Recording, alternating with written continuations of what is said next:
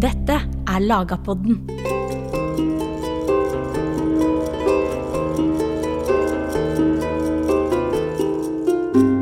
Bergen, eller Bjørgvin, var Norges største by i mellomalderen.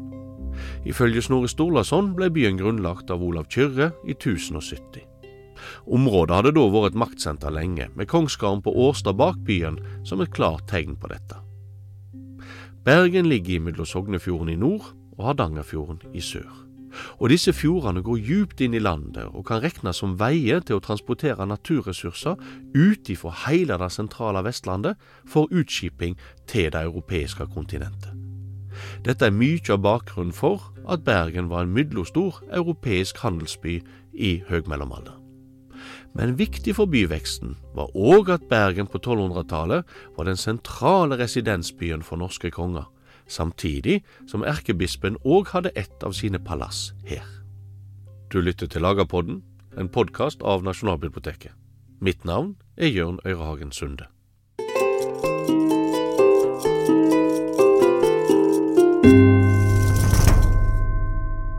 Til å fortelle oss om Bergen sin mellomalderhistorie har vi med oss professor ved Universitetet i Bergen, Geir Atle Ersland. Velkommen til oss. Jo, takk. Det var jo kjekt. Men Geir Atle, når Bergen vokser fram på 1000-tallet, så er jo det samtidig som andre norske byer vokser fram, og, samtidig med at du har ei europeisk byutvikling. Kan du fortelle oss litt om det som skjer i Europa og i Norge på dette tidspunktet? Ja, altså hvis vi tar det store overblikket, så uh, må vi se tilbake til seinantikken, og, og det vestromerske riket faller fra hverandre. Det romerske riket har jo vært styrt gjennom byer og bystrukturer. Men urbaniseringa, for å si det slik, da, for å bruke et mer finere ord for byutvikling, Mm. den hadde jo stoppa ved grensen i nord på det romerske riket. Så nord for det romerske riket, der fantes jo ikke byer i antikken. Uh, så forfaller jo dette, men den som opprettholder den eh, strukturen, det er jo da den framveksende kirka. Som jo er vokser seg eh, til å bli en statsreligion for Romerriket i seinantikken. Mm. Eh, og eh, dermed så er det jo slik at du får en struktur med eh, først en keiserlig struktur, altså med provinsbyene, slik eh, de provinsene var styrte, de forskjellige kjenner vi som Gallia og osv., og, og Britannia i vest. Og så eh, under der var det da mindre byer. Og slik ser vi at kirka bygger seg opp. Så når vi kommer ut Mm. i, i tidlig middelalder, så har vi da denne delinga mellom Paven har liksom kommet inn og tatt keiserens plass, Mm. og så er det provinsbyene styrt av erkebiskopene. Under erkebiskopene er det biskoper. Mm. Og denne strukturen den ser ut til å være på plass sånn eh, på tusentallet. Nettopp. Og nettopp i den perioden da Norge òg blir et kristent område Og eh, vi har jo hørt mye om kristningskongene, men eh, både du og jeg som har vært litt sett nærmere på dette, veit jo at denne kristningsprosessen, den er vel tilskrevet disse kongene mer enn det en godt er, for å si det sånn. Men de så det nok som opportunt å eh, fremje en kristendom, fordi at det styrker òg deres makt. Mm. Ikke sant? Det var denne alliansen. Og dermed så får du òg altså eh, sentralisering av makt i, i, i det som vi kaller for rikskongedømmer. Og i, i en allianse med kirke som vokser fram. Og disse tror jeg er mye av bakgrunnen til å få de første byene. For hvis vi ser på hvor, hvor de er, altså de virkelige byene i Norge, Mm. så er det Trondheim, eller Nidaros. Og så er det Oslo. Og så er det Bergen. Eh, altså det som er de eldste bispesetene. Mm. Mm. Og så deles jo eh, da seinere det bergenske bispedømmet i to. Du får et sørlig del med en biskop som sitter i Stavanger, som da tidlig på eh, 1100-tallet gir utgangspunkt for en utvikling av et en by i Stavanger, selv om aldri blir stor. Og så kommer erkesetet i 1152 Mm. eh, eller 53. Og eh, så får, blir det oppretta òg et bispesete for eh, det indre Østlandet, på Hamar. Og vi ser at der gror det fram en by der òg. Det jeg sier nå, det er at eh, hvis vi skal legge vekt på denne tidlige bydanninga, så tror jeg at det handler om det nye kongedømmet og den nye religionen mer enn det handler om gamle handelsruter. Mm. Selv om de fantes, så vet vi jo at det var handelsplasser, men det pussige er at disse ser jo ut til å forsvinne. Mm. Men kan du òg forklare oss forskjellen på disse gamle kaupstadene eller handelsstadene og de nye byene som vokser fram? Ja, det, dette er jo diskusjon, ikke sant. Hvor mye skal en tillegge handelen av eh, forklaringskraft? Eh, og det, det jeg, tr jeg tror vi må holde fast ved at handel, og da tenker vi ikke på sånn handel bønder og bønder imellom, eller Mm. skifte av små varepartier, men vi tenker den mer eh, fjernhandel, den som foregår fra det ene området til det andre. Og her i Norden så er det jo aksen ifra øst, altså mot eh, eh, mot det som i dag er russisk område, Mm. og vestover i Nordsjøen mot England og Frankrike, altså i Nordsjøområdet. Dette er jo den nordlige handelsaksen, og i dette området har det jo vært handel helt tilbake til antikken. Mm. Mm. Men det ser ikke ut til at det har nedfelt seg i som vært bydannende. Vi hører om slike plasser som Kaupang i Skiringsal. Uh, vi hører om Birka i Sverige. Vi hører, hører om Heitabu, eller ofte også omtalt som Hedeby. Uh, og vi kjenner jo uh, to av disse fra den eh, berømmelige historien fra 890 ca. med Otta fra Hålogaland som seiler hele kysten ned Mm. og ikke stopper før han kommer til Kaupang i, i Skiringsdal, altså like ved det som i dag er Larvik. Og derifra seiler han videre mot Danmark og til Haitabu. Så jeg, der ser vi sporet etter den, en slik langdistansehandel. Mm. Eh, Så har arkeologer sagt at eh, ja, da har vi en by. Mm. Og da er vi inne på dette kinkige spørsmålet. Hva mener vi med en by? Og der er kanskje jeg litt sånn strengere, da. Vil ha litt mer enn bare at en driver handelsutvikling. Jeg vil ha mer at det er en eh, administrativ, sentraliserende styringsstruktur, for å si det slik. Mm. Altså både kirke og konge får behov for dette når du får ei rikssamling, og du får ei organisert religion Mm. så oppstår det behovet. Og dermed så tror jeg at i Bergens tilfelle så kan vi like godt snu det omvendt og så si at kirke og kongemakt kommer her. De, eh, det fører til byvekst, og der det er byvekst, der kommer handelsmennene til òg. Mm.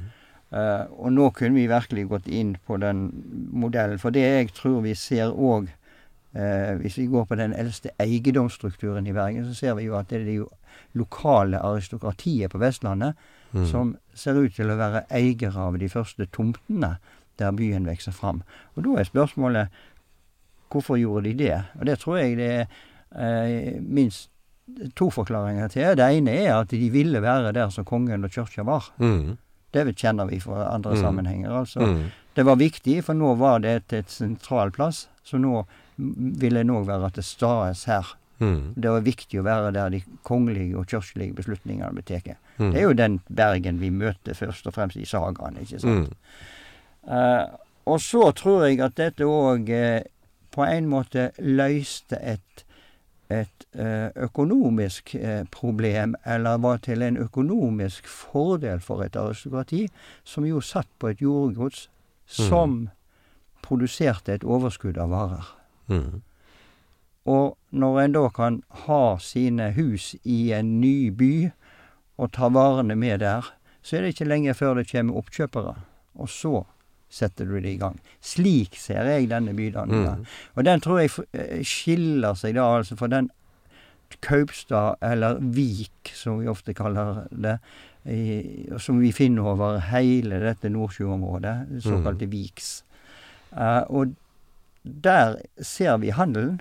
Det er byttehandel, langdistansehandel, men det er ikke den type byer vi kjenner. Uh, så eh, vi kan gjerne i- operere med to typer byer, men det vesentlige syns jeg er, er òg at disse eldste eh, kjøpstadene, eller kaupangene, Mm. de forsvinner jo. Kaupang forsvinner i den samme perioden. Tønsberg dukker opp. Mm. Mange har sagt at det var arvtakeren.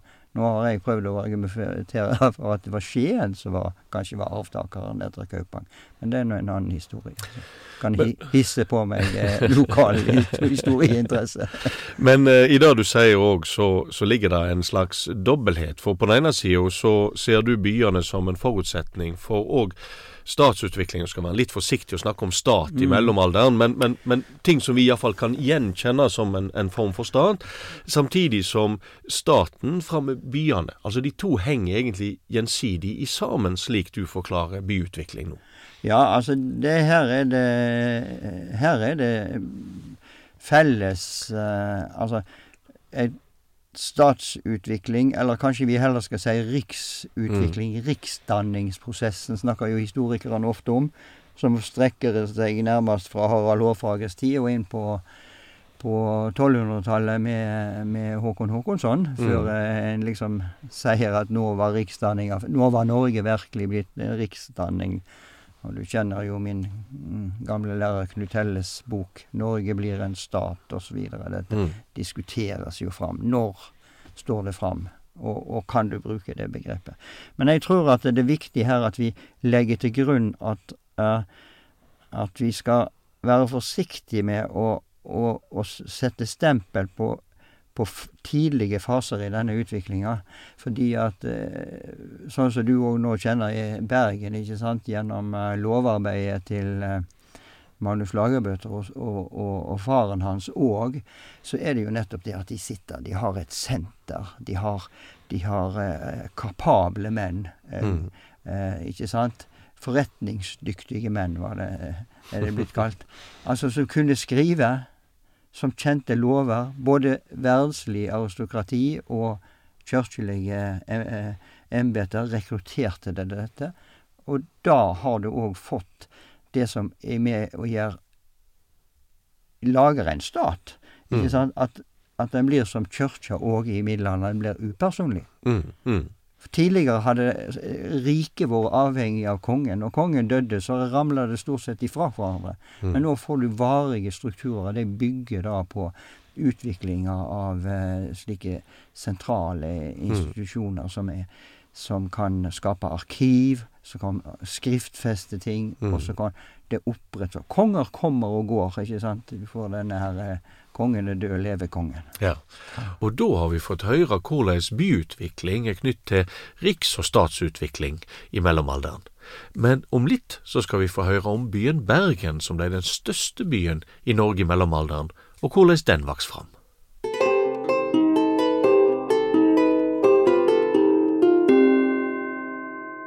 Kan du fortelle litt om den tidlige etableringen og bosetningen i Bergen? Altså, Dette med kongsgårdene er jo interessant, fordi at der er et av de få tingene som kobler, bortsett fra sagaen og den store historiefortelleren Snorre, ja, ja. som jo klarer å få alle bitene til å passe så flott sammen, at folket blir overbevist, og sånn var det. Men hvis vi bort, ser bort fra det, så er det jo nettopp disse kongsgårdene som ligger på rekke og rad. Det er Utstein, uh, det er den uh, Avaldsnes. Det er Fitjar på Stord. Det er Ålrekstad eller eh, på, eh, i, ved Bergen i dag. Og så er det Seim. Mm. Dette er kjernen i Harald Hårfagres rike. Det er kongsgårdene hans. Uh, og vi ser jo nesten på alle disse så har de veldig interessante utviklingslinjer. Ja, bortsett fra Fitjar og Seim, som ikke blir til stort. Uh, men, uh, men, de andre blir jo viktige plasser òg framover i, i mellomalderen. Og det at du får kongen En kongsgard Ja, du kan reise opp på Årstad og så si det som kalles for Årstad i dag, men jeg tror Årstad var mer enn det. Det var et innmark. Kanskje mm. det var det viktigste innmarksområdet. Vi veit at Eh, det lå oppå det høyeste plasset, det best drenerte delen av, av Valdet der oppe, som Statsarkivet ligger i dag, for øvrig. Interessant. Og det mm. var, jeg, jeg ligger jo en gravhaug der òg, fra mm. enda eldre tid. Men uh, jeg ser for meg at hele det som dukker fram som Bergen bys takmark seinere i, i landslova, mm. nei, eller i bylova, er, er det gamle gardsvaldet med utmark og uh, Eh, og innmark. Og som blir Bergen. Ja, for nå snakker vi jo for Da må vi jo ta opp dette med en gang. sant? Altså, Byen er jo egentlig delt i to områder. Du har selve busetnaden, selve bykjernen, Mm. kan vi kanskje kalle den. Og så har du takmarka, som er et mye større område, men fremdeles en del av byen. Kan du forklare skillet mellom de to? Ja, altså det er lett Vi snakker jo ofte om bybuer, og så snakker vi om eh, Ser vi på byen som en sånn tett bebyggelse. Det har jo Mm. vært mange som har sagt ja, hvis du har en tett bebyggelse som er så stor, så har du en by. Det er jo òg en eh, fordel, eh, eller en, en, en måte å definere by på.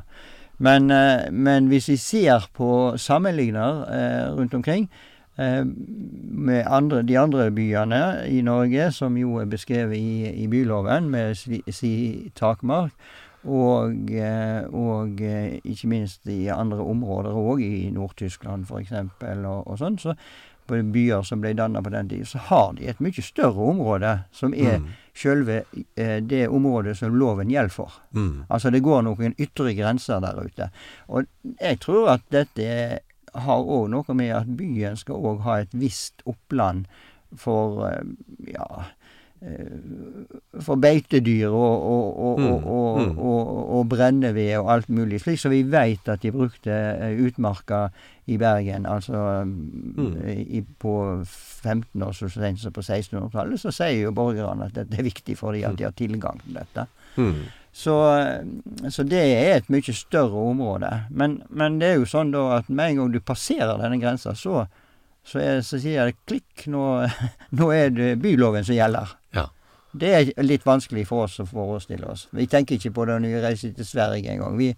At det er faktisk svensk lov som gjelder nå. Husk på det. Ja, du krysser ei grense. Det krysser ei grense. Vi tenker jo så lite på sånt Ja. i dag. Men dette var viktig i, i, for middelaldermennesker, Mm. tror jeg. Og Årstad var jo, som du sier, en del av takmarka, den var ganske stor rundt Bergen. For det er et stykke å gå fra Kongsgarden der ned til Vågen. Jeg vil si nesten en halvtime, kanskje, Ja. faktisk. Men, men hvorfor vokser byen fram rundt Vågen der? Vågen må eh, Ja, altså det, Nå kunne en liksom si ja, der var det jo ei veldig god havn, og det er det jo. Mm. Eh, så er spørsmålet ei havn for hva? Og hadde det vært ei havn tidligere? Mm. Eh, det veldig få ser ut til å være opptatt av, enten de er arkeologer eller historikere når det gjelder Bergen, det er at det fantes noe som het Kongens gard i Vågsbotn. Det lå en bygning helt innerst ved det som i dag er domkirka. Mm. Uh, den, uh, den uh, det, det var til og med hus på den rundt 1300. for Da ble det leid bort til de tyske skomakerne. Det er det som var grunnlaget for det som ble skostretet seinere.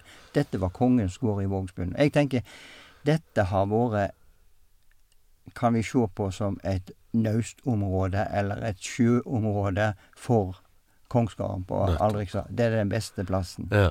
Å seile inn. Her Ja. kunne skipa ligge.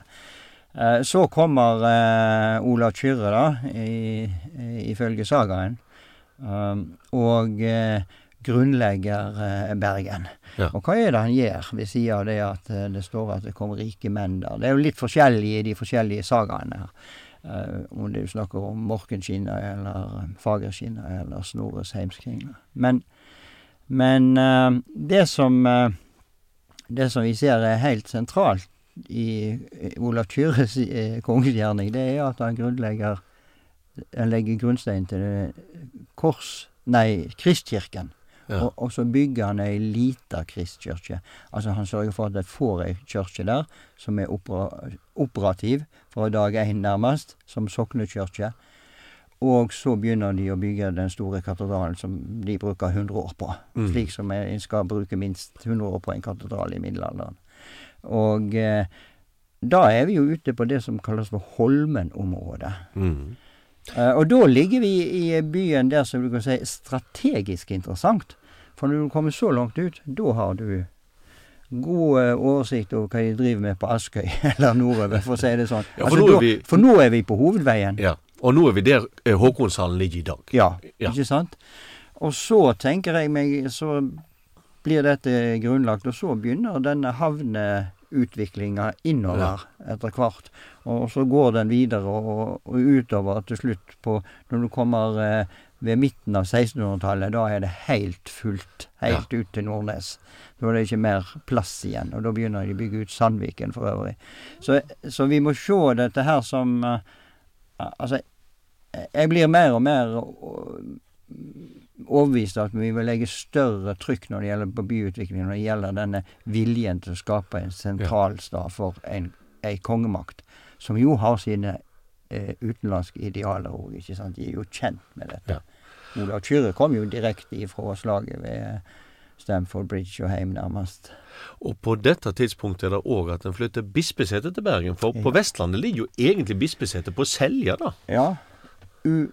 For oss i dag virker jo det ganske pussig, men uh, den, den, store veien langs uh, kysten er jo Nordvegen, ikke sant? Mm. Så sånn sett, for tusentallet, så kan det jo være at det ikke lå så dumt til.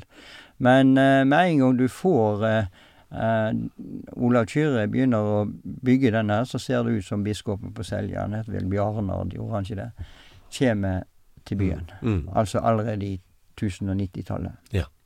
Og eh, det viser jo da òg kanskje en klar indikasjon på hva ei hovedhensikt er. Det å skape en by. Og du husker på 1000-tallet så hadde jo òg paven prøvd å knesitte det prinsippet at, at biskoper skulle by i byer. Mm. Nå var ikke det så lett da her oppe, så det var så skrint med de. På Island var det jo to bispeseter, og det ble jo aldri noe by der. For ikke snakke om Grønland og Færøyene og sånt. Men dette er jo helt unntaksvis i de helt perifere mm.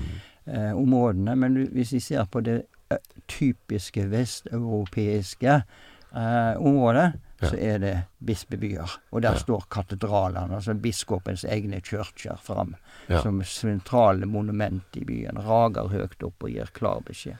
Og det har jo vært sånn at idet du seilte inn på Vågen, så på venstre side, nordsida rett og slett, mm. der lå jo katedralen. Der ja. ble den bygd. Som et sånt uh, signalbygg, ville vi vel Ja, i dag vil vi si det. Uh, og uh, altså, alle som kom til Bergen, med mindre de var en bonde fra i Fana. Og ja. det var ikke så ofte de dro til byen på den tida. Men, men, det var, men altså, de langveisfarerne, ja. alle stormennene, alle som betydde noe, eh, kom sjøveien. Ja. Der kom òg etter hvert de viktige handelsmennene. De ville se dette. Det var det første de ville se når de rund, runda Kvarven, eller rundt der i sundet ved Askøy. Ser de dette her. Ja.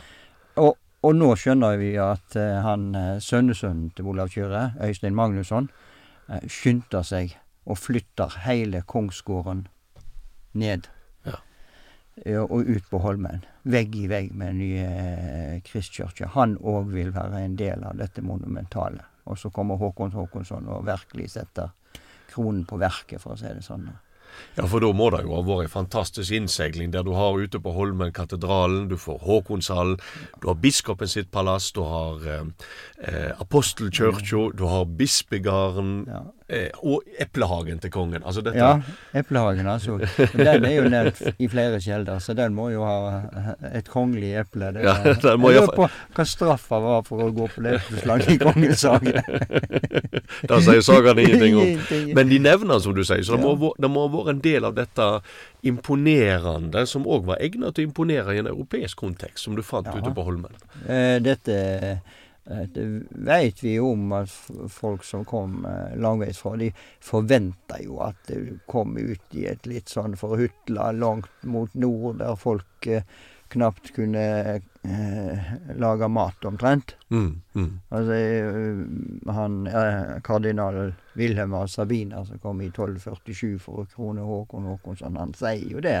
Da han blitt advart mot å reise her, men man må jo bare innrømme at her er jo sivilisasjonen fullt på høgde med det du ellers finner i Europa. Ja. Både når det gjelder mat og klær og, og bygninger. Og da er jo ikke Håkonshallen bygd engang.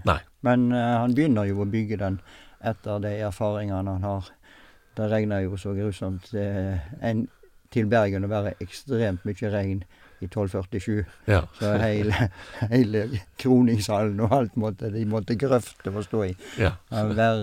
Men um, Men kan du fortelle litt Når, eh, hvis vi tar 1247, eller midten på 1200-tallet, det siste halvdel, hvordan ser byen ut? For én ting er denne etableringen av Holmen, som blir et maktsentrum i Bergen, men ikke minst òg for hele Norge, spesielt på 1200-tallet. Men, eh, men du har jo beskrevet denne byen som vokser rundt Vågen. Men, men på siste halvdel av 1200-tallet så er jo Vågen, eh, strandsiden, ennå ikke bebygd.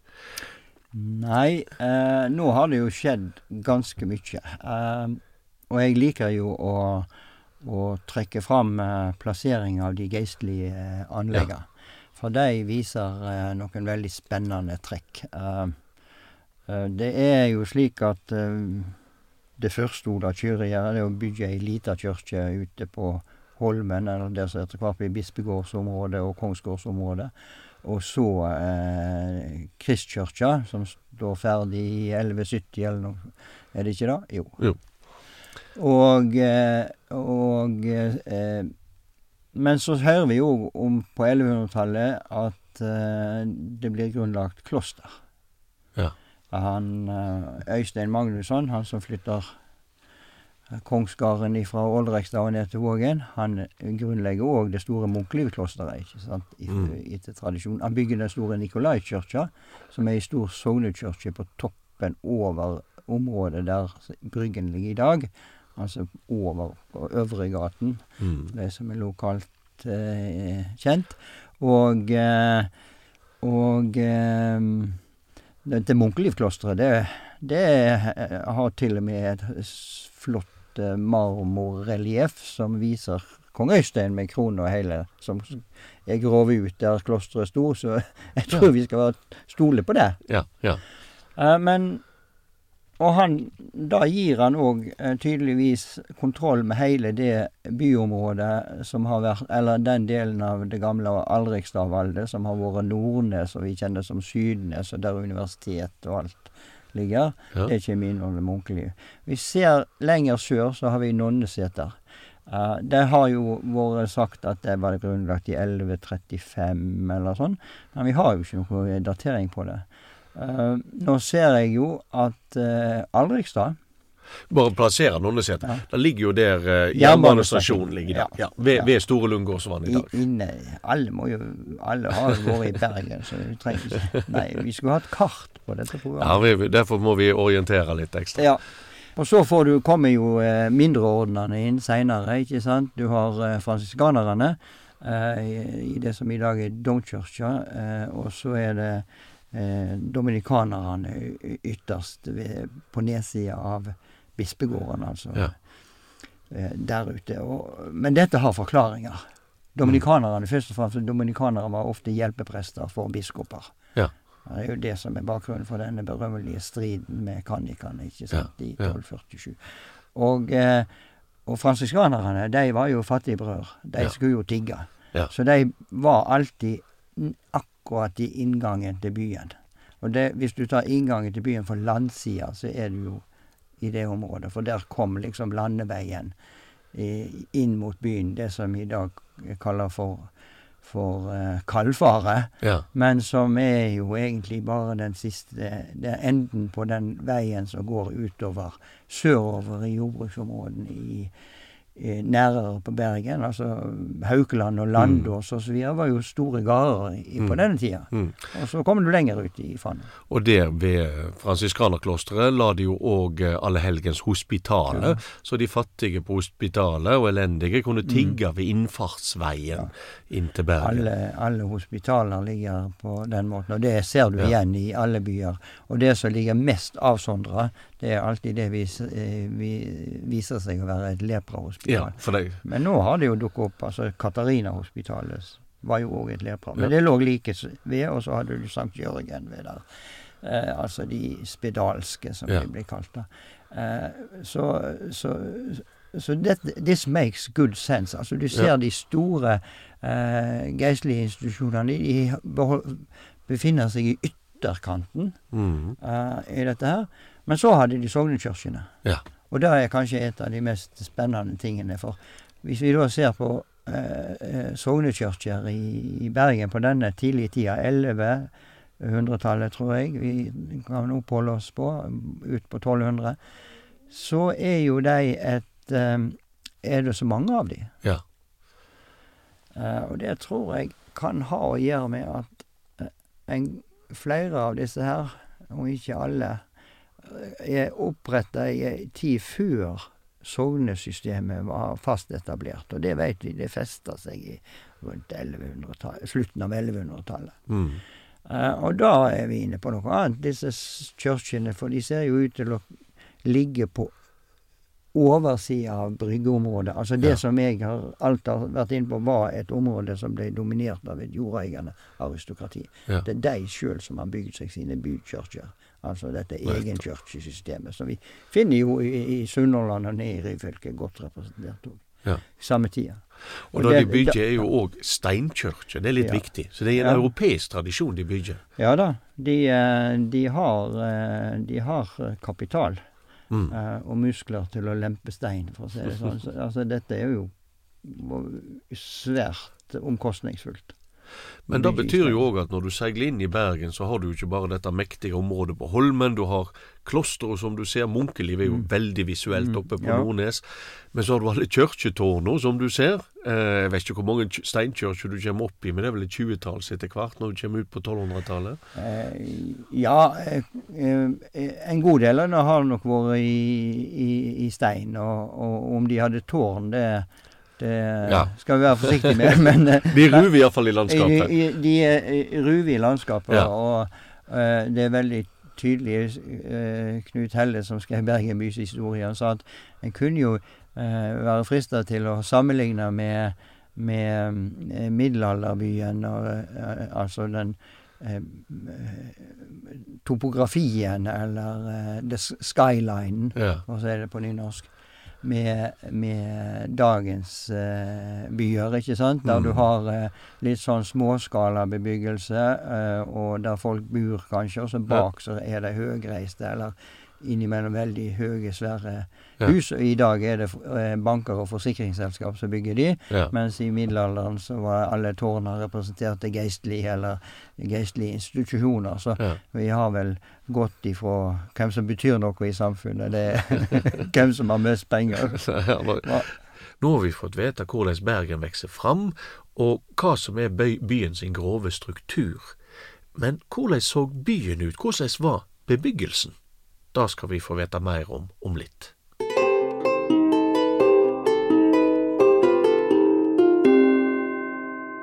Hvordan så det ut? Hvordan var gatesystemet? Veldig eh, Mange har jo sagt at middelalderbyplaner de er rotete og uten plan og mål og mening. Men eh, den har jo ikke det. Den, Bergen følger en veldig typisk plan, eh, der du har ei, ei havnelinje, og så har du bak eh, så har du hus ned mot denne havlinja, og så bak disse husa, der går det ei gate, og så er det hus på oppsida av denne gata igjen. Det er Ja. jo det vi kaller for Øvregaten i, i, i Bergen. Eh, og, og disse ligger mer eller mindre mm, som en slags halvsirkel, Mm. der, der den eh, eh, li, eh, eh, linja i midten, eller er liksom Det er havnelinja. Ja. Eh, og så, eh, så Og da fungerer dette slik at havnelinja, eller kaien, eller bryggen som det heter i Bergen, det Ja. er liksom sjøfronten. Der kommer alle viktige folk til. Der kommer òg etter hvert all handelen, og alt foregår, lasting og låsing, over denne bryggeområdet.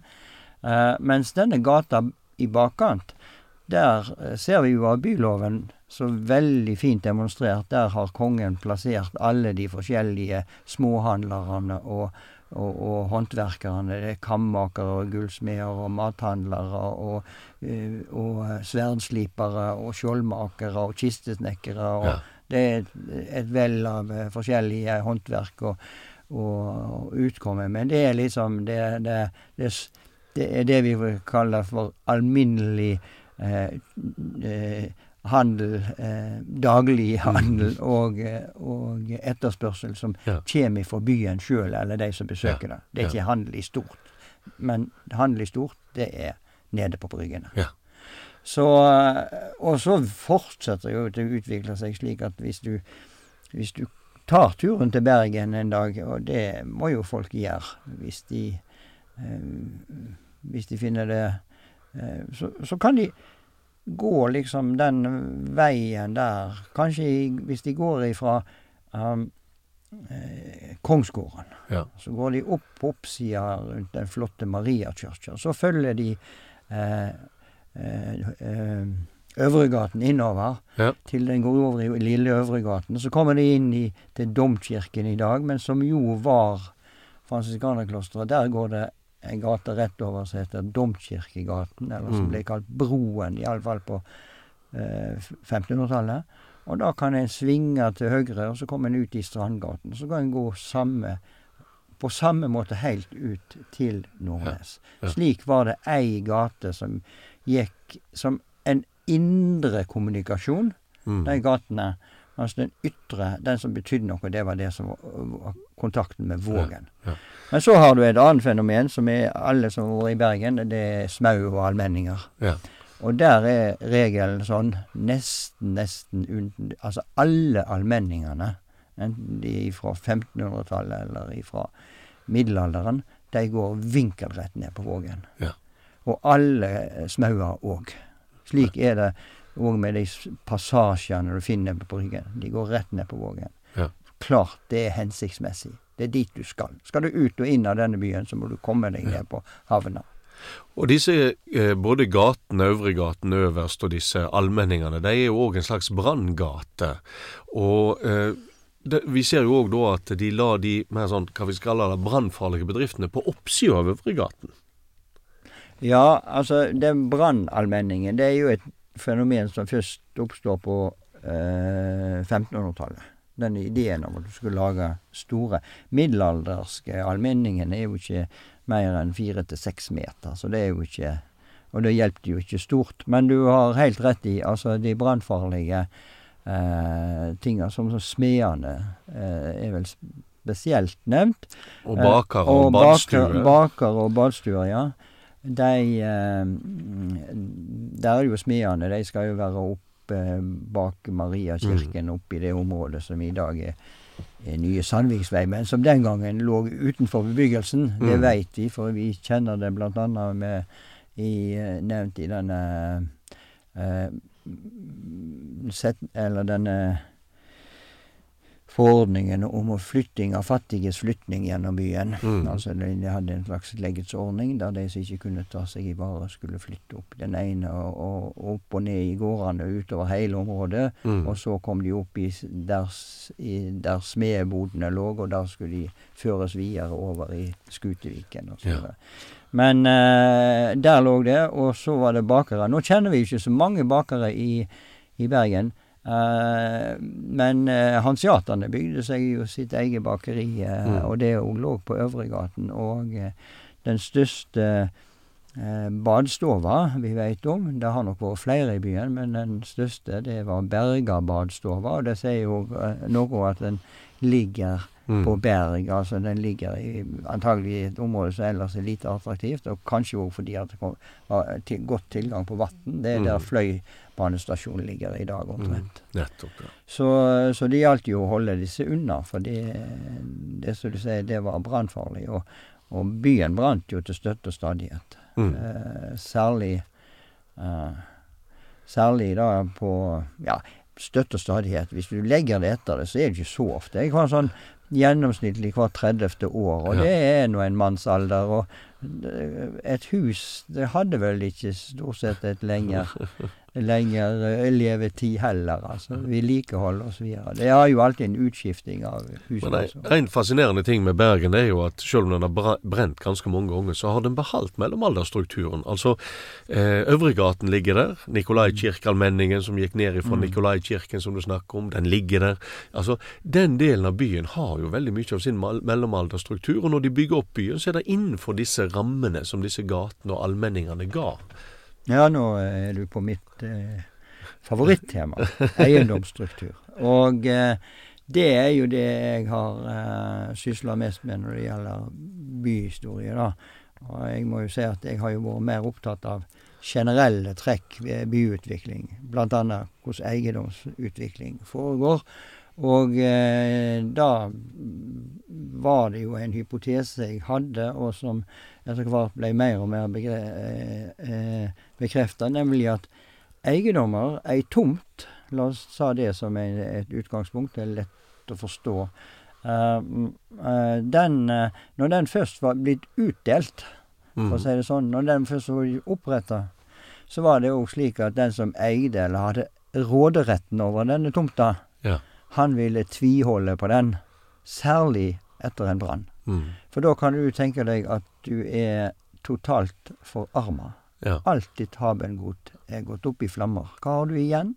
Du har ei tomt du har rett til å bruke. Der kan du bygge deg et nytt hus. Du reetablerer deg. Og når eh, du har flere hundre slike, uh, som kanskje brenner ned, uh, eller der husene brenner ned, ja, så vil folk skynde seg å bygge igjen på sine tomter. Og dermed så får òg byen et visuelt uttrykk som man ser eldre ut enn han egentlig er. Slik er det når vi reiser, i, ikke bare i Norge, men vi kommer ned på kontinentet. Og se en flott middelalderby, sier de. Ja, så er det ofte fordi at det er gate- og tomtestrukturen spesielt som er bevart. Mm. Mens huset oppe, de blir jo jevnt og Mm. trutt bytta ut, eller sånn. Ja. Eh, men dette er jo et uhyre interessant eh, fenomen òg sånn i lovsammenheng, fordi at eh, det jeg oppdaga spesielt for Bergen, men eh, det var at eh, i Bergen så det, eh, var det slik eh, etter hvert utover på 1300- og 14, 14, eller særlig fra 1400-tallet, eller kanskje det er da det oppstår. Men i alle fall slik at da eh, blir det vanlig at den som eh, er tomteeieren, han bygger ikke lenger huset sjøl. Han leier ut retten, eller disposisjonsretten, til en annen, som da får retten til å bruke tomta. Men disse kontraktene de eh, har ingen oppsigelsesklausul eller noen ting, og er fast årlig leie som heller ikke blir eh, auka. Og vi ser etter brann, så, så bygger de bare videre. Ja. Altså de eh, Og eierne eh, kan da òg eh, altså, Den eieren vil godta eh, at det blir bygd på nytt Mm. etter den samme kontrakten. Ja. Eh, og vi ser ikke for Vi ser ikke eksempel på at, at tomteeiere gikk sammen eller prøvde å slå sammen flere tomter for å drive moderne byutvikling, sånn som de gjør i dag. Da må du helt opp til 1850-tallet. Ja. Ja. Og pussig i dag at det skjer både i Bergen på, i 1850-tallet, og det skjer utover i store deler av Vest-Europa òg. Ja. Men fram til den tid så har du en sånn struktur, en eiendomsstruktur, som er veldig konservativ i den forstand at det ikke, du skifter ikke ut eiere, eller du slår ikke sammen tomter. Og eh, nå er vi jo nettopp til det som gjør at jeg kan, er så rimelig sikker på at eiendommen f.eks. på Bryggen tilhørte Store Gods. Ja. Det er fordi at når vi kommer på Bryggen, så vet vi at alle husa der tilhørte hansiater. Hansiatiske kjøpmenn som altså legger seg ned der fra 1300-tallet utover. Mm. Mens all grunnen, den tilhører jordegods. Der ser vi Losna-godset og. Bildegodset, og der ser vi eh, gods som tilhører Halsnøy kloster, eller ja, ikke Halsnøy, for de ligger en annen plass, men, Ja. men, men de har sine gårdeiere, alle disse som vi vil kalle gode norske gods Ja. på middelalderen. De har sine eiendommer. Men nå er det bare som utleie. Ja. Så de driver ikke sjøl aktivt. Men da er vi kommet mot slutten av mellomalderen, og da skal vi òg avslutte. Så tusen takk til deg, Atle Ersland, for at du har fortalt om Bergen som mellomalderby. Ja, og takk for at jeg fikk komme. Nå, er jeg er veldig glad for at jeg får være med i dette fine eh, holdt på å si, opptoget av eh, bidragsytere til Lagerpodden. Det syns jeg er supert.